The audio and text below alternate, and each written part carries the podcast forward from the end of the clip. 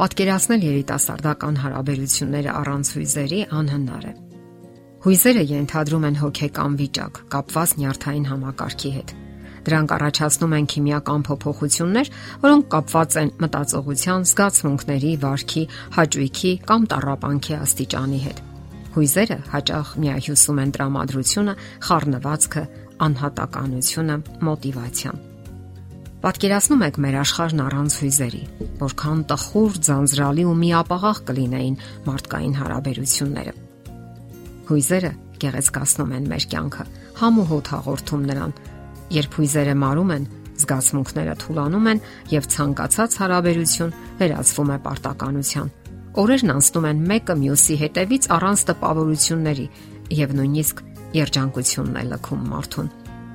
Հույզերը անկասկած գեղեցկացնում են նաև երիտասարդական հարաբերությունները։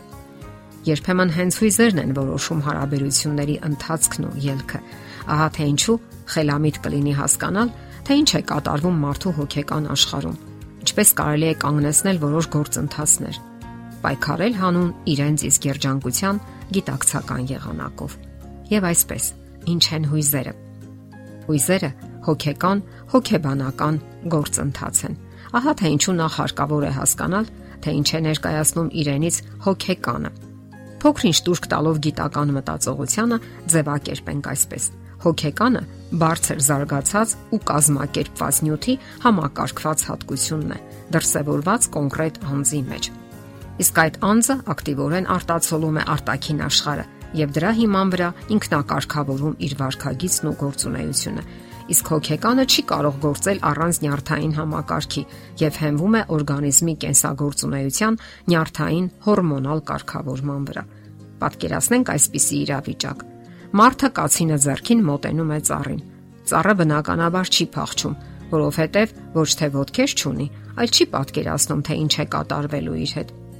Իսկ ահա մարդը նմանատիպ դեպքերում միանգամայն այլ հակազդեցություն է ցուցաբերում, որովհետև անմիջապես պատկերացնում է, թե ինչ հետևանքներ կարող է տեղի ունենալ իր հետ այն գործի դնելու դեպքում։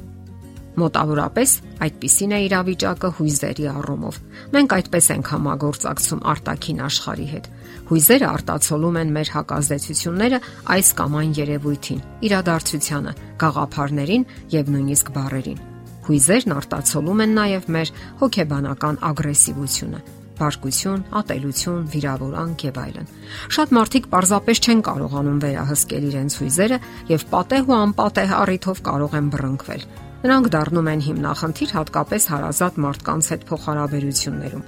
իսկ դա հղի է լուրջ վտանգներով եւ հատկապես երեխաների դասիրակության հարցում երբ հասուն մեծահասակները հավասարակշռված վիճակում չեն եւ նույնը սերմանում են երեխաների մեջ։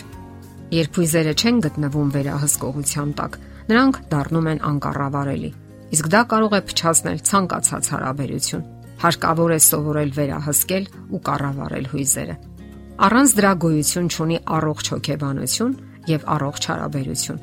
Հույզերը պահպանելու համար եւս անհրաժեշտ է հետևել այն նույն եղանակներին, որոնց հետևում ենք նյարդային համակարգը պահպանելու համար։ Առաջին կարևոր պայմանը քունն է։ Հանգիստ, խոր, անխռով քունը անհրաժեշտ պայման է նյարդային քայքայված համակարգը վերականգնելու եւ բժշկելու համար։ Հարկավոր է քնել այնքան, որքան անհրաժեշտ է օրգանիզմին, հատկապես երիտասարդ օրգանիզմին։ Հիմնականում դա կազմում է 7-ից 9 ժամ, թեև որոշակիորեն անհատական է։ Ամրապնդող միջոցներից մեկն է լողն է, հատկապես ծովում։ Դրանից հետո կարելի է շփել մարմինը։ Իսկ ընդհանուր առմամբ ջրային ցանկացած արարողություն կարգավորում է քունը։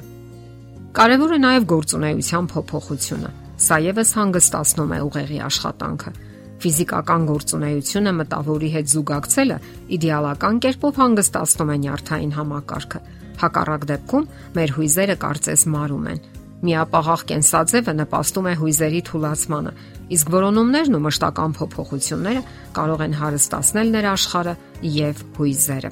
Կարևոր է նաեւ շարժումը։ Ֆիզիկական երանդուն կյանքը նպաստում է նյարդային համակարգի անխափան աշխատանքին։ Այն հավասարաչափ կերպով զարգացնում է մկանները, ամրապնդում կապանները, ոսկրային համակարգը։